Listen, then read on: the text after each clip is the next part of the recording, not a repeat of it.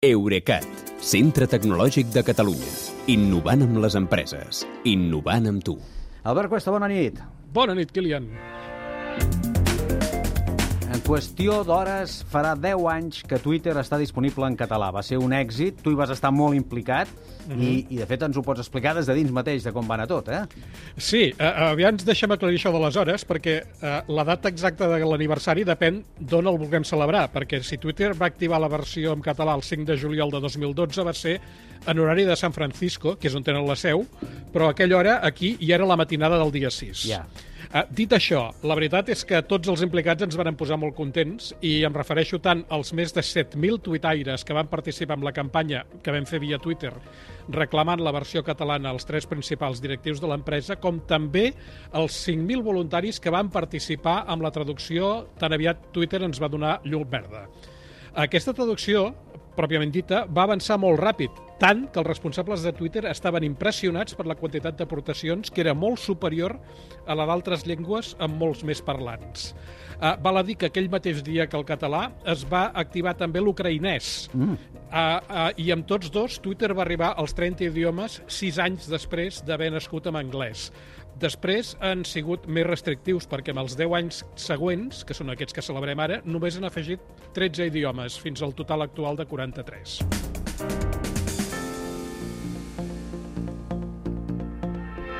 La traducció va anar molt ràpid, quan ens hi posem, ens hi posem, però poder-la poder, fer anar eh, no tant, no? Poder-la fer? No, no, Twitter va començar sent-hi molt reticent. Jo la, la primera petició que els hi vaig fer va ser l'any 2009 i el conseller delegat Dick Costolo la va acceptar públicament amb un tuit al febrer de 2010, però les seves ordres es devien perdre baixant per la cadena de comandament perquè ningú feia res fins al punt que a la tardor de 2011 vaig muntar aquesta campanya de tuits que et deia per fer-los reaccionar.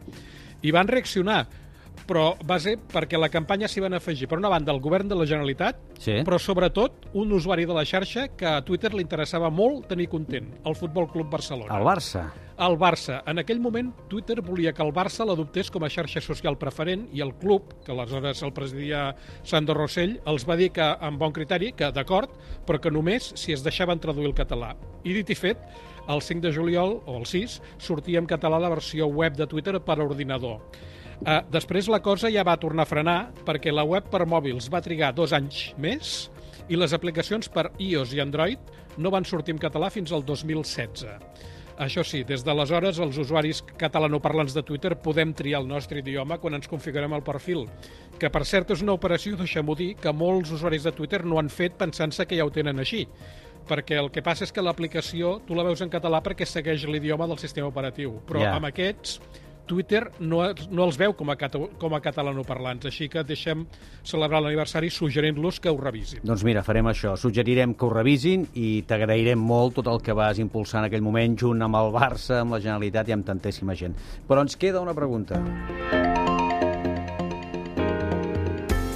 Si ho vam fer amb Twitter, ho podem fer amb d'altres, eh, diguem-ne, aplicacions d'ús massiu, com poden ser TikTok, Spotify o Netflix? Ho hem de fer, això?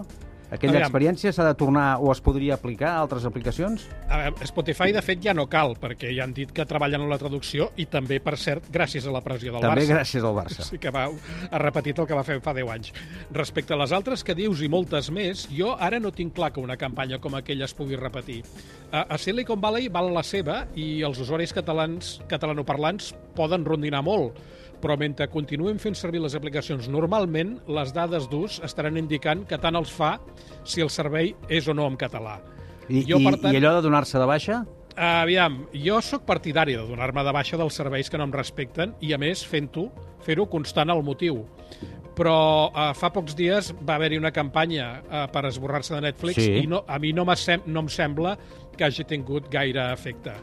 Uh, en tot cas, uh, les campanyes sí que s'haurien de combinar amb accions que les empreses digitals puguin mesurar i això vol dir configurar en català tant el sistema operatiu del vostre telèfon com el del vostre ordinador i també el navegador web que feu servir. I això encara no es fa prou.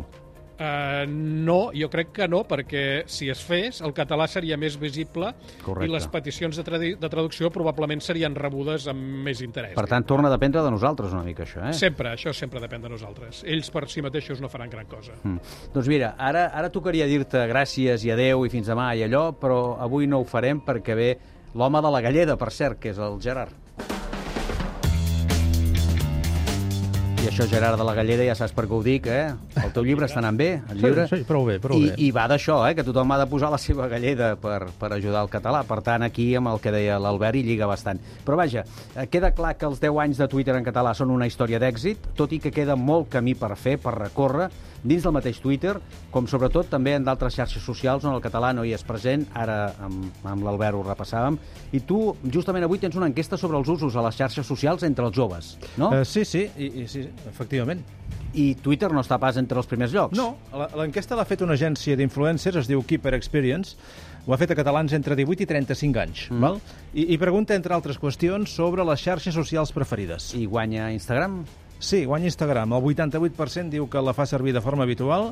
A darrere hi ha TikTok amb un 67%, cap de les dues en versió en català, i molt a la vora, en tercer lloc, hi ha YouTube amb un 65%, que sí que té versió en català. I després el segueixen Facebook amb un 37% i Twitter amb un 34%, que és dos sí, en versió catalana. A mi em sorprèn una mica que Facebook estigui per davant de Twitter. Jo em pensava que Facebook, Facebook estava molt, molt, molt, molt, més, molt més en avall. Però bé, suposo que és una visió de boomer que, que té poca, poca base sòlida. Anem a les bases sòlides, eh, de, de l'Albert, que no sé si és boomer o el que sigui, Sí, però, jo soc, és, jo, però és soc sòlid. encara, jo crec que encara sóc més boomer que el Gerard. Més, però, però... però- això et ve de nou a tu, Albert, o no? Uh, aviam, uh, aquestes dades suposo que es deuen referir a tot l'Estat.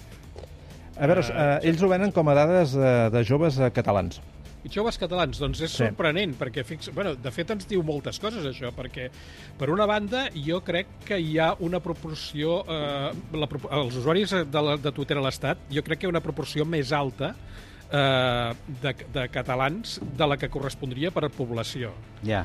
Això si mires les dades de Twitter, ells no les diuen, però si saps on mirar pots trobar indicacions i va per aquí.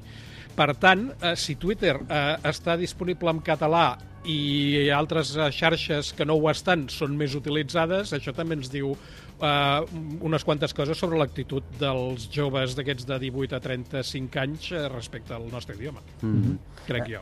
Escolta'm, eh, de cua aquí hi ha? Eh, Ah, hi ha ho hem- Snap- Has completat la llista o faltava algú? Res, en queden un parell. Snapchat, um, Pinterest, que estan els dos a la cua, eh, 18% i un 7%. I un 7, molt bé. Bé, doncs queda clar que els que guanyen són a dalt de tot, per, per entre els joves com a mínim, Instagram i TikTok. Cap dels dos en català, com bé ha dit el Gerard. Cap dels dos en català, per tant, tenim feina a fer, la galleda del Gerard, eh, el, el que tu deies de configurar-ho en català i, i anar lluitant. Gràcies i fins demà, que vagi bé, ara sí. Bona nit, Quelina i Gerard. Fins demà. Eurecat, centre tecnològic de Catalunya. Innovant amb les empreses. Innovant amb tu.